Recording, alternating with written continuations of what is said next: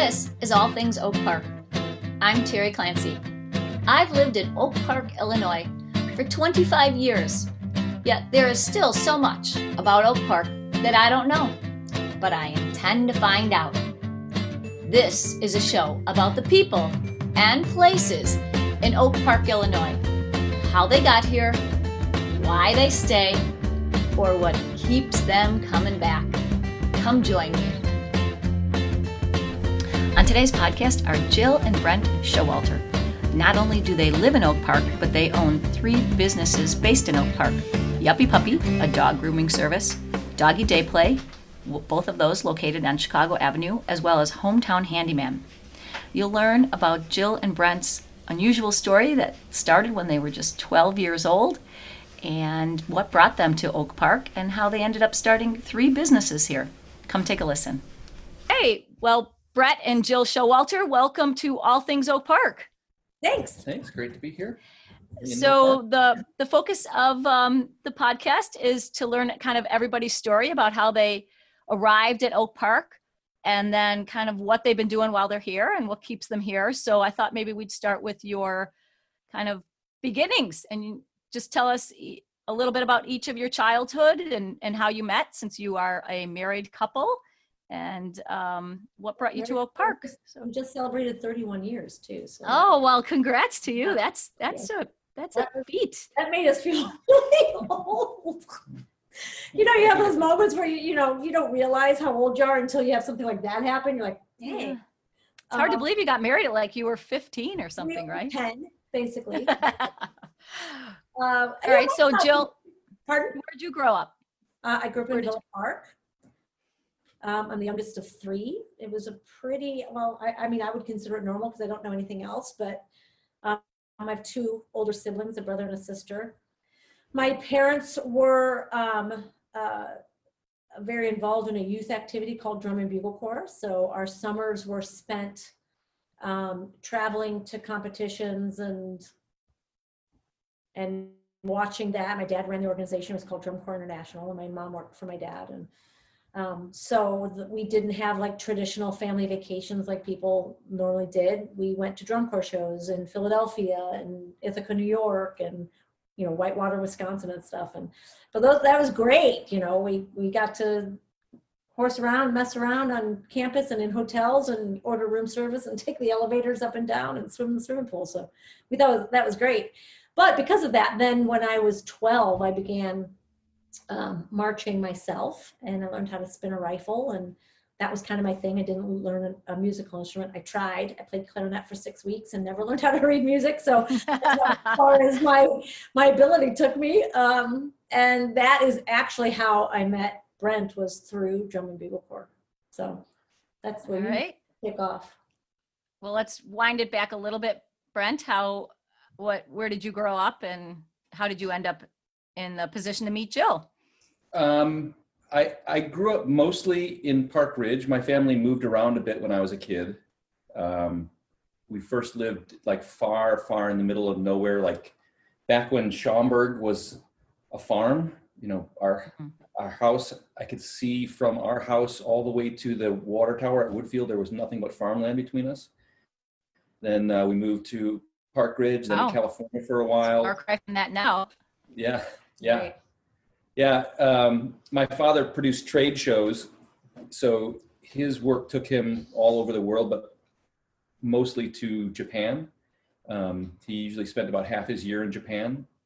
Wow. And my mother worked for the airlines for as long as I could remember. She she worked for Delta starting in like 1964, and and uh, she took a few years off when we were really little but then went back to work there and so so she, we were kind of like i wouldn't i don't know what the definition of a latchkey kid is but my mother was like often working nighttime shifts and um, or sometimes we'd come home and there'd be like a crock pot on the on the counter saying like this is dinner.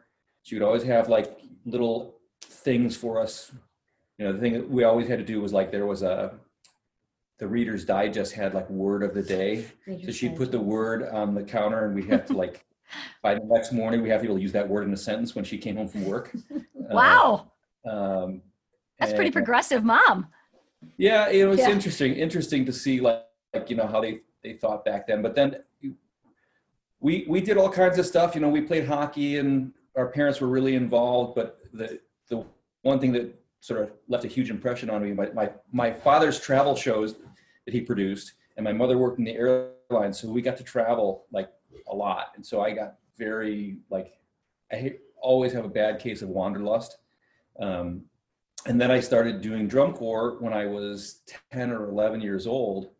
So starting at 10 years old, when June would come around, I got on a bus and traveled all around the whole country. So pretty Right. big leap of faith for our parents. Like, you know, we got on a bus and that was, we toured and competed all over, you know, so you, you, what It was happened is. cool. He, he marched in a drum corps from out here, but I marched in one from Casper, Wyoming.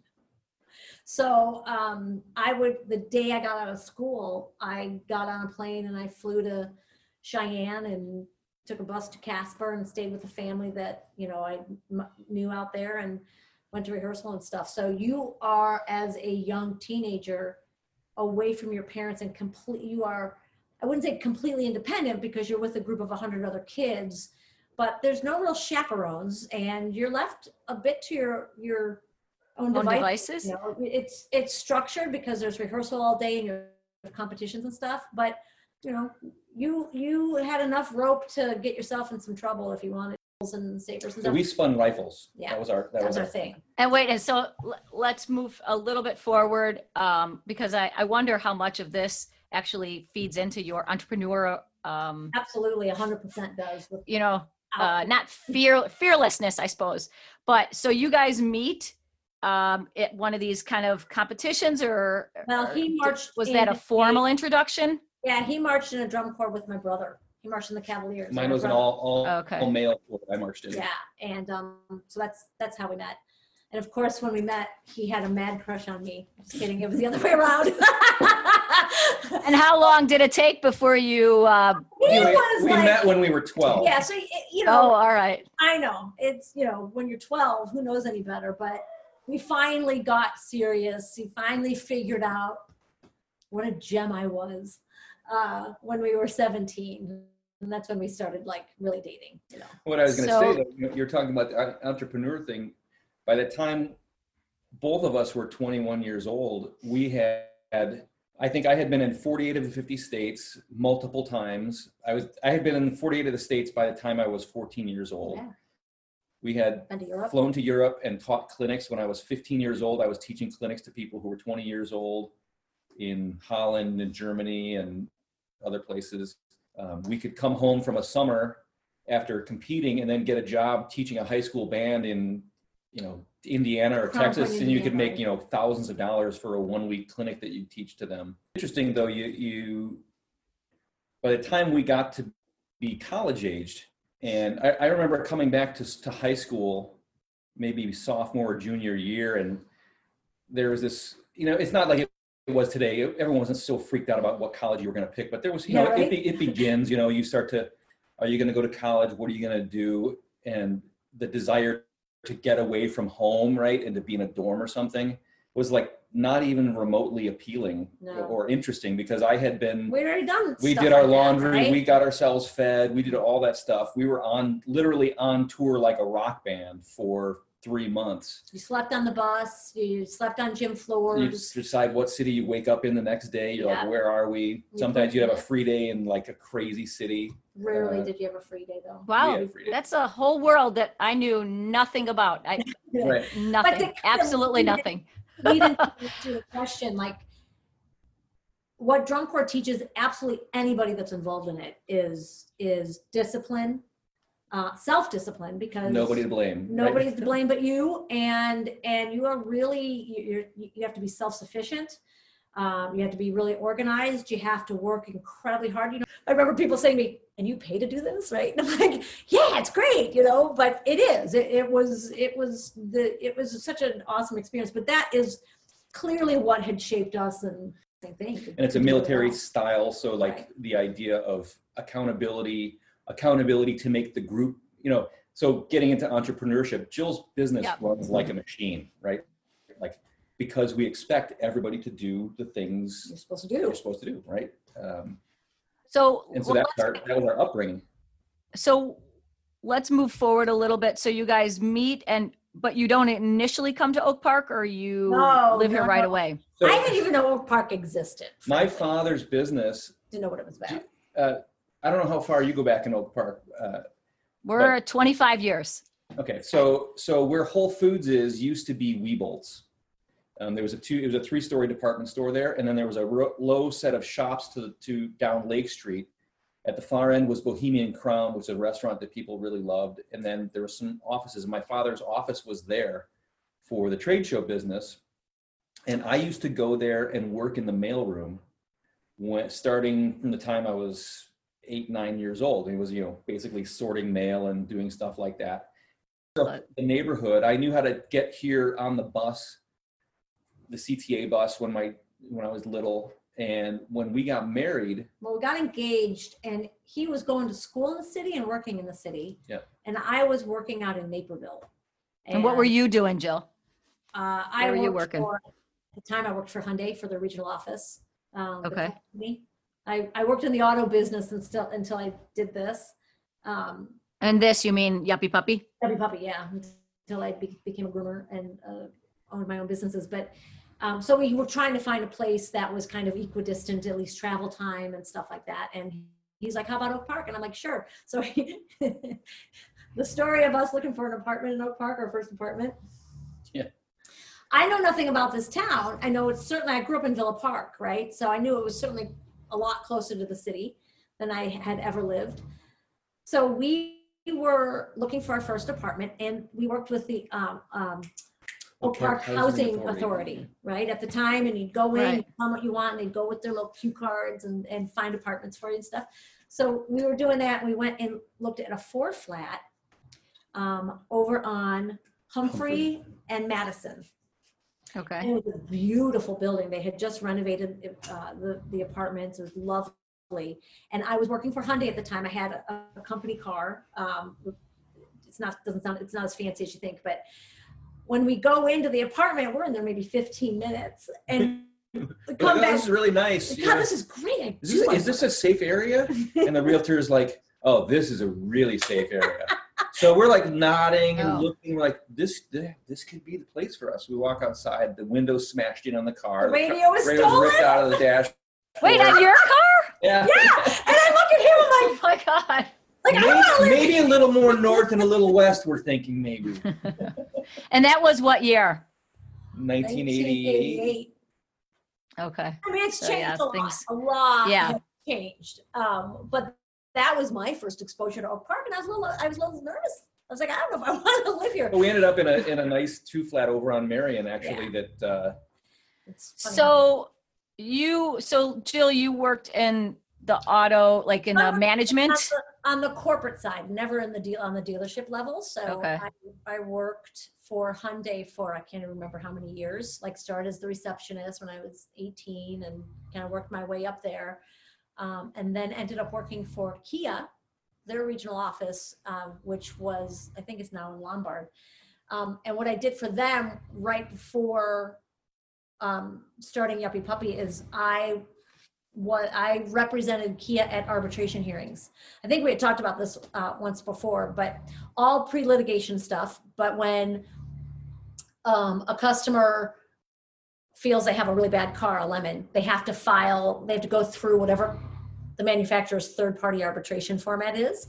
And for Kia, it was the Better Business Bureau, and you have arbitration hearings. So all of those cases came to me. I determined whether or not we were going to go to arbitration if I couldn't settle with the client, and then um, went to the hearings. And I covered 13 states in the Midwest, and every state has a different lemon law, and so I had to know all those different lemon laws and such. But um, I did that for about 10, 11 years, and really, you know, you you get to see the absolute worst side of people when you work in a, a department like that. Um, I can imagine there are too many happy people. Never anybody call and say, Filing on a lemon law." I love my Yeah. car, right? Everything is, is negative. And you know, you can do that for so long before you, you, you start really losing your mind. So I was at that point losing my mind. And um, the dog groomer that we had gone to, her name was Lisa. Uh, she, you know, one day, kind of tongue in cheek, I was goofing, kind of, sort of being serious. I'm like, hey, if you ever want to sell your business, ah, let me know. And then, like two years later, right at this time where I was like, I can't do this kind of stuff anymore, she asked me if I'd be interested in buying the shop from her.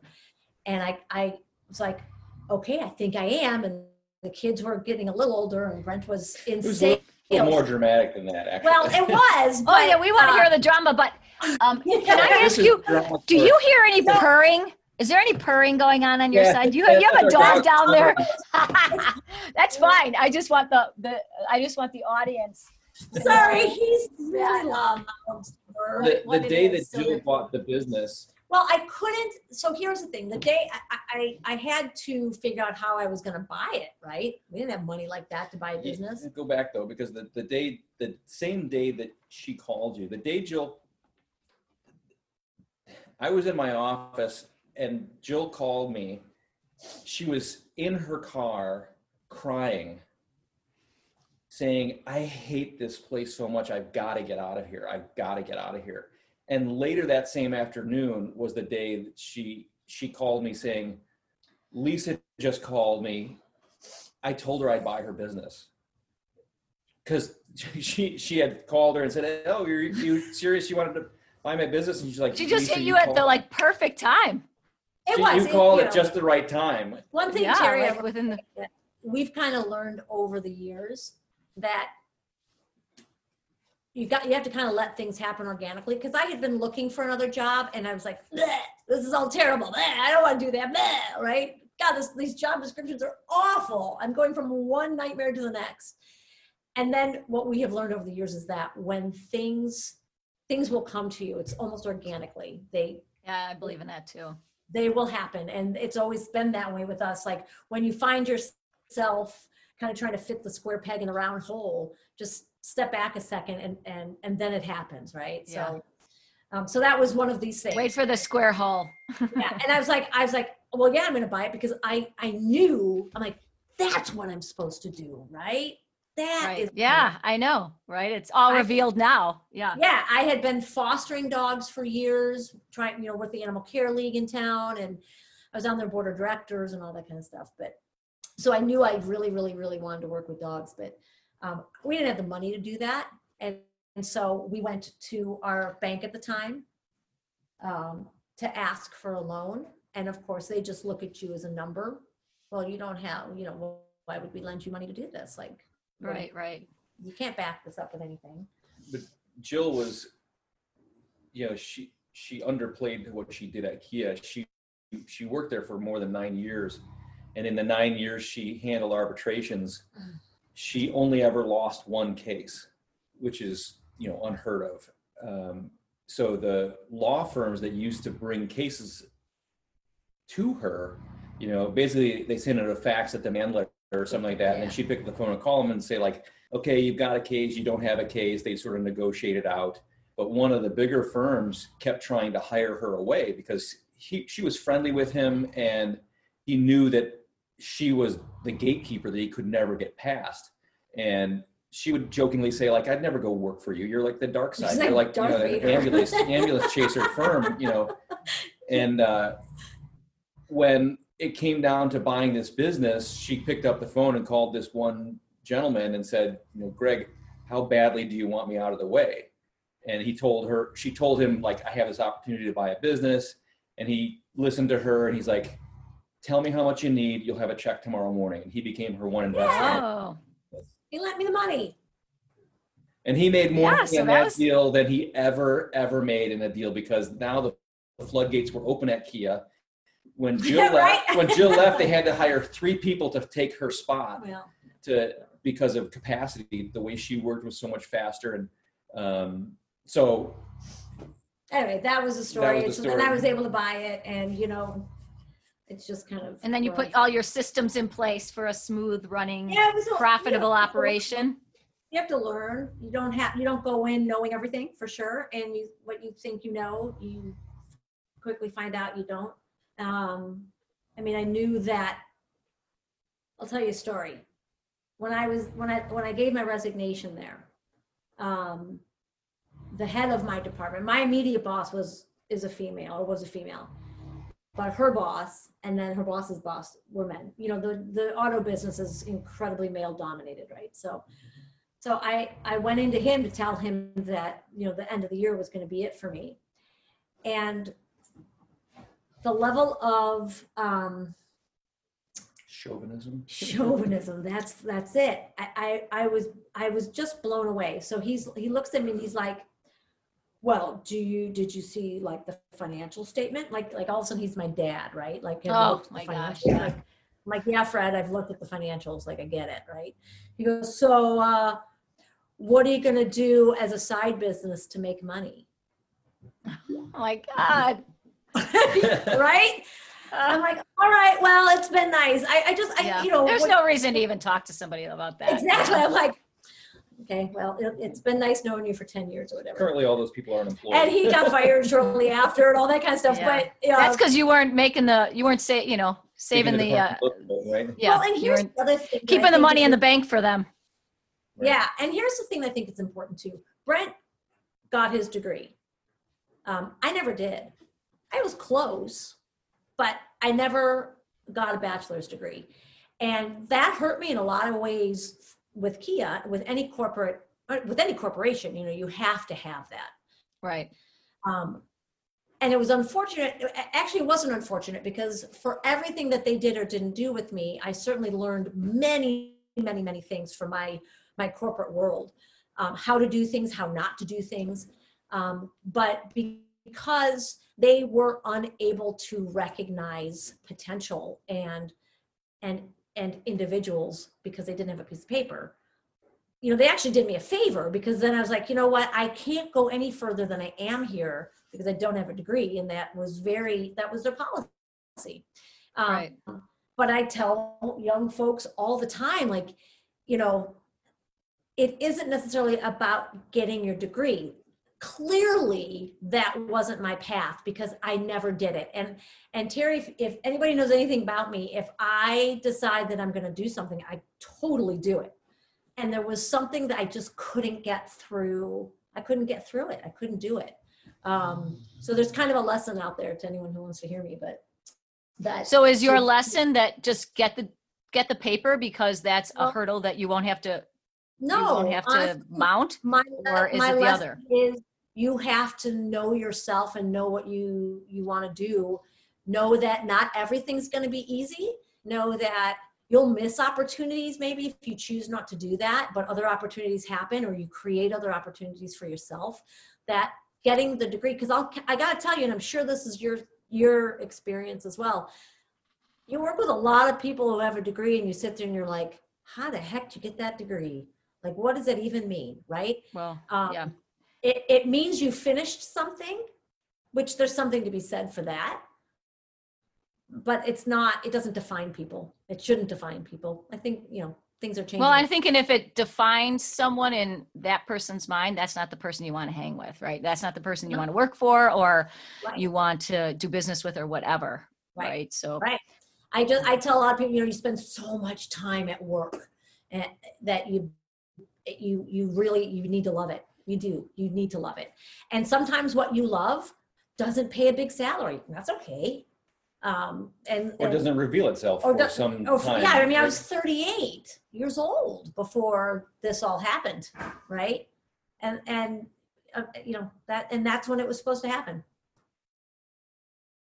That's my belief. so um, Brent, how did you come into the fold with all of this? What's your backstory leading up to business Nothing owner? pet related at Nothing, all. yeah.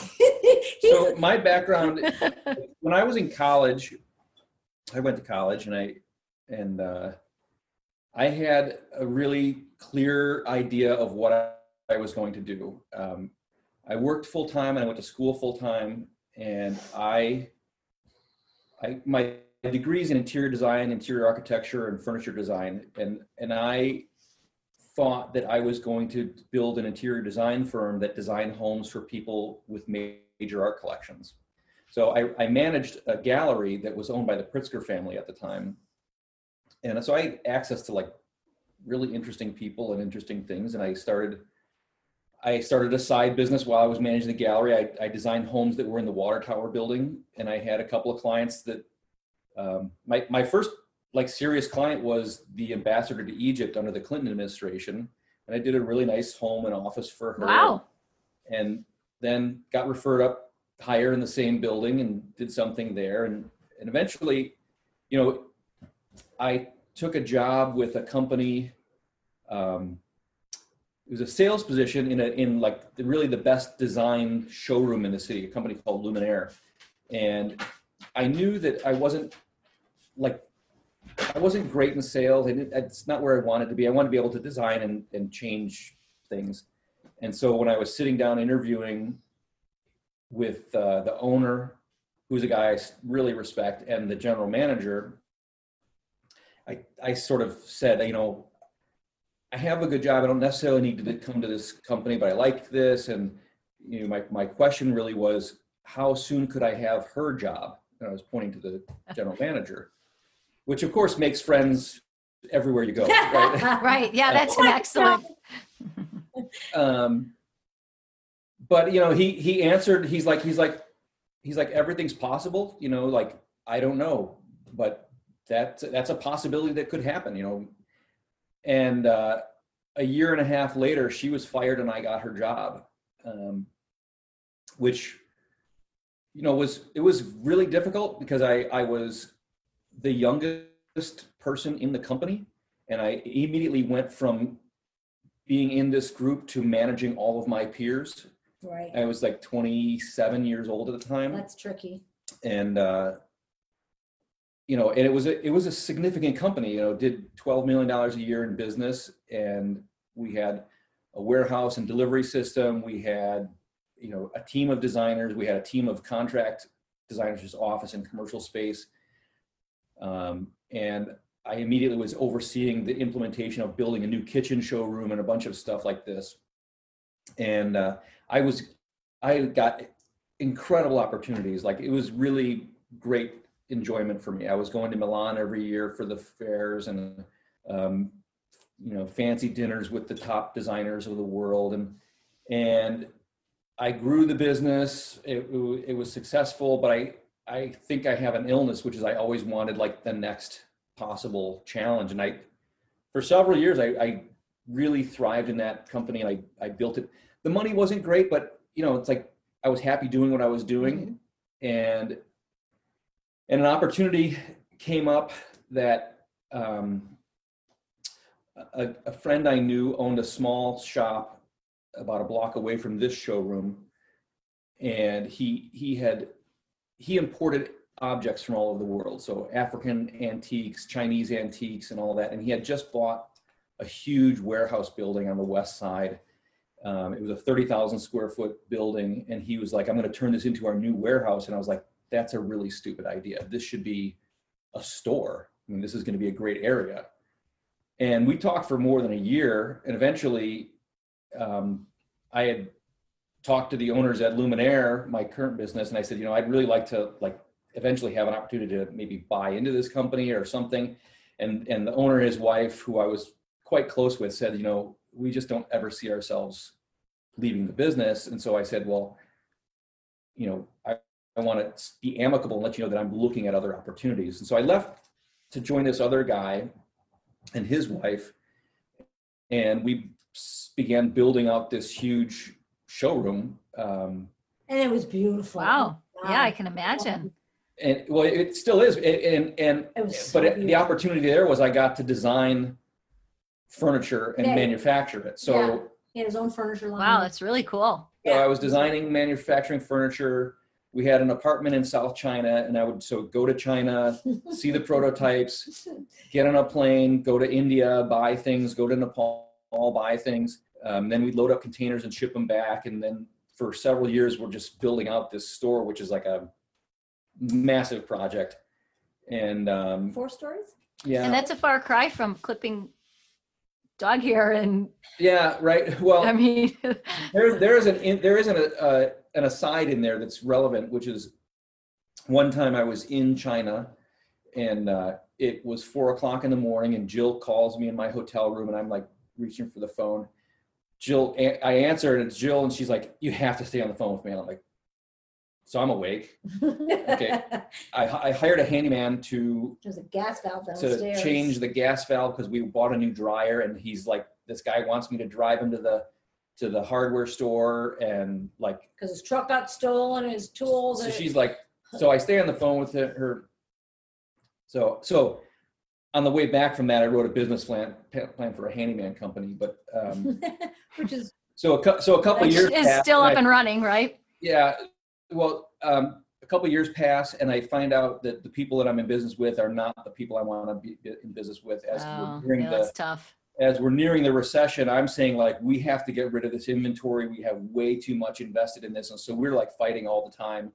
Um, I'm not yet in, invested in this business, and we're you know money's a big issue. We can see the the market tanking, and I'm like, you know, I said to him one day like, you know, there's a there's a way that we could eliminate a lot of payroll. You know, that happened not long after that. It was it was me. It was me. Yeah, yeah, yeah. We know a one person whose whose salary can be cut. so so I'm like, I gotta do something, right? I have to uh I have to make And a- Yuppie Puppy was in full blown. It where what when did that start? What Yeah, year? so I Yuppie had, we were a year, I was a year or two into Yuppie Puppy, still on the Harlem location. Um, and. so we had this back and forth trade-off. Like, you know, for a while it was like make Jill's business work. Right. And then then Then I'm like sitting at home in the summer, like I gotta do something. And Jill says, You've got to start that handyman business. We really need that. And so all through my years of design, I had people that I knew that did really Right. high-end work for us. I mean, we would be installing like Terry, like to tell you, like a high-end kitchen around here was a cheap kitchen for us. Like a typical kitchen for Luminaire was $120,000 for cabinets. Oh my Um, gosh. So, Yeah. so the installers that we had, we flew them all over the world to do installations. So I understood that level of quality. I knew how to build things. Um, and, but we had the same problem that everybody else did was like, we couldn't get a guy to fix a simple thing in the house. Like it was either hire a contractor who wants to do 20 hours of work or, so we made this company called Hometown Handyman and we tried to hire guys that could do lots of things, you know, so you have a broken pipe in your wall, I need the pipe fixed. I need the wall fixed. I need the wall painted. You don't want to hire three different guys to do all that. Right, right. Complicated. So we started with uh, the idea that I'd buy two trucks. We'd park one as advertising, and we'd hire one guy. And that was in November. I thought that maybe by late su- by summer we'd have the second truck running with a guy, but by the end of January we had four guys on staff. Yeah. By May, we had 10 guys on staff. We couldn't keep up with the amount of requests for work. We had like, we were booked four weeks out after, I think, eight weeks in business. Well, the big thing for hometown too, which is what we discussed when the creepy guy showed up when he was in China, was you know you you, you want to present a guy that that looks like somebody who your mother should let in, right? Right. Like you want to be clean and well Something- spoken yeah. respectful. And, A little corporate even maybe, huh? yeah, and it's Yeah, yeah, yeah. and it's really it was re- you couldn't get we it. used to we used to test guys out after you know they'd tell us you know these are my skills and this is what I've done and they'd show us some references. They they would typically not know what they were going into, but they would have they would go into a client's house who had a list of things to do, and it was either my mother or Jill's mother, and she would give us a total report on what this guy was like. Yeah, like you know how if he did everything right if he you know and so so we had that business uh, up and running and uh, um, and then at the same time a customer asked jill do you know anybody So, who can yeah. watch my dog there's no there's no yeah. So I start getting these requests to like At Yuppie Puppy, this is Yeah. by yeah, clients of Yuppie Puppy. clients saying, Like uh, we're going away, we don't have anybody to watch our dog. You know, do you know of anybody? I'm like, oh, I'll watch your dog for the weekend. That's fine. So that was something that all of us, like I shouldn't say all of a but grew rather quickly into. We would have ten to twelve other dogs in our house One time it was my dog or something. Right. Other times it was my dog. almost every weekend, and most times in the summer. And I'm like, you know, well it grew from it started out it was it was one dog over like president's day weekend and then by easter we had four dogs here. yeah, it grew. and then memorial day we had 10 dogs and we're like what are we doing this is crazy Yeah, and it came at a decent time because he was just starting hometown. So I'm like, okay, we could certainly use the money for that, right? right Um, Right, right. But then after a year or so of doing that, we're like, we have got to figure out something, right? We Right. knew of uh, another daycare hotel on the other side of town, and we're like, there's nothing on this side of town like that. Boy, And when you was- say side of town, you mean Oak Park, right? Yeah. well, there's Yeah. another, yeah, I mean, the, the north, the, the northwest east section of Oak Park. There's one on the very far southeast section, just butts up to the city. But that was all that right. really was. Um, and so we were like, boy, we should start this. Boy, really, the ideal um, location would be, you know, where the villager is. Well, the villager was still there, right? if you remember, you remember? the Right, yeah. Remember. Yeah, yeah, oh yeah. We used to shop there all the time and and they weren't going anywhere. And then we started hearing like rumors that that was they were going to go out out of business and blah blah blah. And so, kind of to make a long story short, we looked at each other, and it was one of those moments again that we talked about earlier that it happened organically, right? We just kind of waited and didn't try to do too much, Yeah. and then boom, the freaking ideal location opens up, and we looked at each other Yeah. like, we We got to to do- start we have this. to do We, this, we right? have Right, to. yeah. the market's calling us and, you know, yeah, the stars are aligning, right? it was totally that. So we bit the bullet. We did that. We did it on a total shoestring budget. We did it with our own muscle and our kids. But I would go out every day. Like I would go out pretending I was a fake customer at every dog daycare Yeah. in the city Yeah. and like ask them what they were doing and like Yeah. learning. And we, we kept coming into like little things. You're like, why aren't you doing this? And why aren't you, you know, like really simple things like, like nobody really knows this, but there is no dog daycare anywhere around here other than us that has 24 hour staff. So you think you're going to drop your dog off while you go on vacation and they're going home at night at eight o'clock. Yeah. Like what, what, what are you paying Oh, for? right, yeah. right? Um, so we built we built a suite for an overnight person and like little stuff like that. But we also, I had been managing businesses for the last 15 years essentially, uh, doing design work, but it was managing the operations and like, you know, we knew that this business was going to be lots of employees, lots of schedules, like really like, you know, this is a military operation. right? Also, an, an extension of Yuppie Puppy, who I had already been in business for for several years and developed a pretty good reputation. The business continue. I mean, every year, year over year, the business grows. Um, and I never, like, I never spent money on advertising. It was just kind of like it was just kind of me, right? Um, but in Yeah. order for my clients and other clients, but particularly my clients, to trust that it was that they were going to get the same level of service as they did at my grooming shop, we had to make sure that all of our procedures and all of the people we hired were exceptional. And I remember when we were doing the hiring for it, that was our big banner, we put a big banner on the front of the building saying hiring exceptional people only. And every ad we placed, it was exceptional people only. And that year we were hiring, man, we had like 1,500 people. this is the height of the. Great Recession that we. Oh opened. my gosh. Oh, it Oh, was okay, right. We were so young and stupid at the time. We were Both like, a good time and a bad time to have a Totally, business, right? this 20, 2010 was when we opened, right? So the economy's in the shitter. Like we're Yeah. like, oh, this is a great time Right to take on a ten year lease with a, you know, spend a couple hundred thousand dollars like of money we don't have.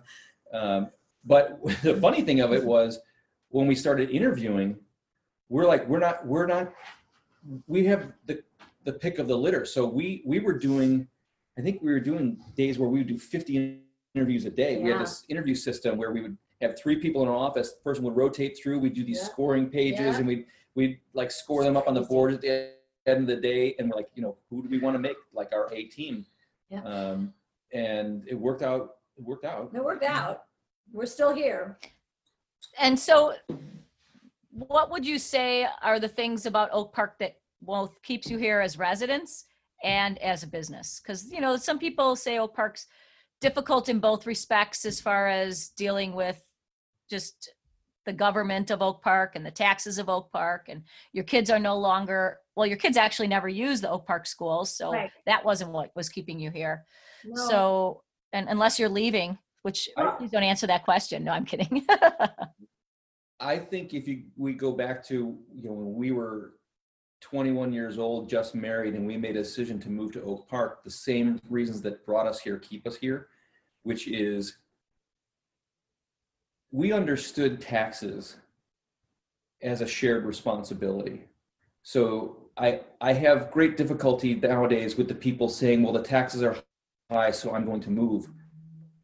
It's like back then the taxes were still high, right? They haven't got they haven't got proportionally higher, you know, because back then Jill and I combined, we were so excited the day that we made forty thousand dollars with our two paychecks combined. Well, today a kid coming out of school and his wife, they might be making one hundred and twenty thousand dollars with their two paychecks combined if they're doing well, and then get to more than that. So that that in relative terms is commensurate, but it's it's it's a place that it, it's still it's still good. It's still really good and there aren't other places like it. You know so if, if we decided we were going to pick up and move to where? Naperville?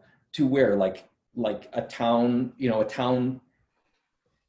When max was diving this is probably a good example. When max Max, was diving, yeah max moved away to train in north carolina and the family that he stayed with um, was down there. They, they came to visit in here uh, a few years ago, and their son, who was 16 at the time, he was like, "Wow, every house is different."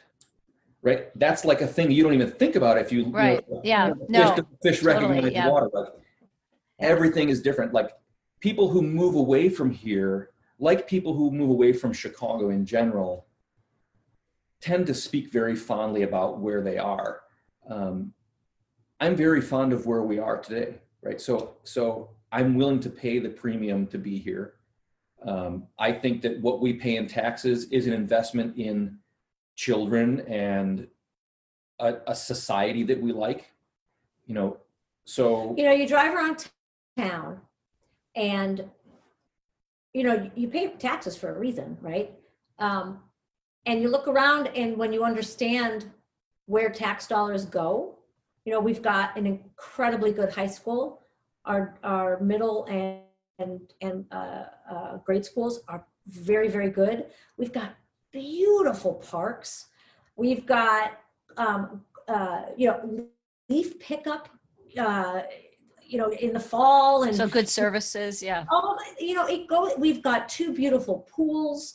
We've got great libraries. We've got great I- our police and fire departments are exceptional. I mean, there's so many great things that, you know, if you pay less in tax, then all of those things suffer. So it, the things that draw, I think, people to Oak Park is, you know, diversity, the fact that um, um, we tend to be a, a more inclusive town than a lot, right?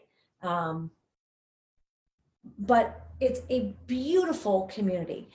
Um, neighborly. You have block parties, right? Like I grew up in Villa Park. We never had block parties. We just never had them. A great testament to Um, why Oak Park is Jill's mother, who lives with us, Oh yeah. who lived her whole adult life in Villa Park, and she every day she's like, "You don't realize what you have." right. You know, And she tells all of her old lady friends who complain about having to pay for parking and stuff like that. She's like, listen. you you know, look at look at need to understand what you have, right? in a time of pandemic. You know, you look around Hmm. these streets and you see people and families walking around the streets. You know what? It's happening in other towns like that, but not at the level it is here. You know, it's it's not. Well, it's a walkable town, so that helps a lot, right? It is a But- walkable town, but it's a it's a community. It's more than just a town. It's a community. You know, Yeah. they, I, I find clearly we're small business owners, and man, and and my business is only where it is because I'm in a community. We're in a community. Our businesses are in this community that love and support small business. You know, you don't see Walmart here. You don't see big big chains here, right? And people appreciate that and they support that and that's really great because that you know you you want people to when you live and have a business in a community you, you know so many people you know the community you know your customers i see them i'm out on my deck yesterday doing work and clients walking by and oh you're opening may 1st i'd like to make an appointment i'm like hold on a second and i'll book you in right so it, Right. Yeah. there's that sense where people know who you are most most days that's a great thing right there are days that you don't Yeah. want everybody to know who Yeah. you are um, Yeah. Yeah, I, I walk around town and I see my clients too. So it, it is a good feeling. I mean, I ride my bike to my appointments, so that's really fun. Yeah. Okay, so we'll I'm trying to wrap up here. I like to keep these to about an less than an hour. So, but I still want to have you guys answer a few either recommendations or little known gem questions about, Sure. you know, or someone who's coming to Oak Park that doesn't know much about it. What would you steer them toward or can you give us a, any little Oh, that's a good. asterisks? good. Don't miss. Um, boy, I, I don't think about that. Like we, know, we, we use every part of Oak Park. You know, um, I think there. I think one of the things about Oak Park is to getting to the south side of Oak Park. That's not like going to Africa. You know, it's like it's close. So like that Harrison Street has lots of shops. Here's one great thing I found and use. Um, L'Institut Français, the French school down on Harrison.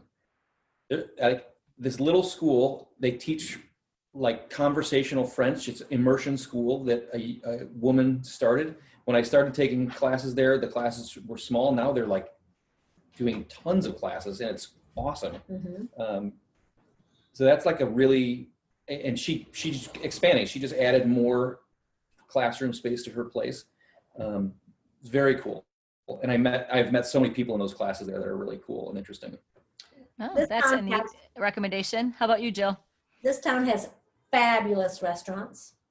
Um, when they do open up again, um, of course, I mean, we go to Maya del Sol all the time. And particularly in the summer, because what maybe some people don't know is in the summer, they have a back patio, outside patio It's- that yeah, with a fabulous, yeah, with a huge bar. Yeah, I love that place back there. It's just great. And there, that is one of those places that, um, that treat you like family, you know, where, Yeah. where it's like cheers and everybody knows your name. But when you frequent certain places, the really good places will remember you the next time you come back. Um, and, and I think that that's a sign of a, a, a really good small business is when they recognize you on your second or third visit that you've been there before. Um, um, but yeah, that, that, those are great. Spilt milk. They have your bar Bill- stool all ready for you. Pardon? Do you ever I go said to they have Spilt your Milk? bar stool all ready for you. They have it ready. Yeah, for- yeah, know, that's a good place. Spilt milk is great. There's a little tailor right down the street from there too. Uh, and Lindy's Taylor. Yeah. yeah, he's a great like Italian guy who. Oh yeah, do I don't know about that. about- do just about anything. Um, Tulipia is a florist right next door to me on Chicago Avenue. That's really, really um, great as well. Two guys are, are super nice and do some. Yeah, it's kind of funny. There's a funny. I have a funny dog story about Tulipia. So when our first dog, God, you know, rest her his soul, Charlie, who I think you groomed at some Oh, point. yeah. Anyway, um, we we took dog lessons, and the guys from Tulipia and their two little dogs, who I'm Oh. not sure if they're even still alive, uh, before when they were on the Chicago or not the Chicago on the Lake Street, Mm-hmm. they were in our dog class with us. Isn't that fun? And now they're next to you. That's. And that's one of those things too, like in Oak Park, it's just such a, you know, you see people, um, like, you know, you have, you have a business, you see your clients at Jewel or Whole Foods or, or what have you, you see them around town. And, and it's interesting because our staff, who not, you know, not many of them live in Oak Park, but they walk through Oak Park and, and they recognize our clients, really mostly the dogs, who recognize the dogs right? Yeah. and the dogs recognize them and they realize you know the dogs go running up to them and they end up having these conversations with with the clients and so forth and and that that's that kind of thing that that oak park brings i think that you Yeah, know, we try Yeah. and teach our staff sense of community, even though they may not live here, that they may want to aspire to that sense of community. Um, that's really strong Well, that's a really, yeah, that's a really nice way to treat people. I think that you want them to live where you live. I mean, that couldn't be a higher, um, a higher compliment to them or to the Right. place where you live, right? but i think too just in terms of talking about oak park the sense of community i think is so strong here um, versus other places that we've lived or that that we know just talking to, to you know our staff and clients and where they live and Yeah. so forth so if people were ever wondering why oak park i think that's one of the biggest things if that's what you're looking for if you're looking for that if you're looking for the hey i'm going out of town and the neighbors on the street to you know keep an eye on your house for you this is really that kind of Yeah. place If yeah. We experienced that very thing with our house, and it's Absolutely, right? really, yeah, it's kind of one of the backbone reasons that you live in a neighborhood, right? Yeah, yes. All right. Well, you guys, thank you so much um, for being guests. Uh, I'm really excited. Uh, this is my second taped podcast. I'm hoping to drop them in the next two weeks. So uh, I'll let you know when you That's can listen to it uh, on your phone. Great. All right. Thanks for listening. If you'd like to contact me, you can head on over to my website, Teresa Clancy Law. All my contact information is there. Well, catch you next time. In the meantime, seize the day. Bye bye.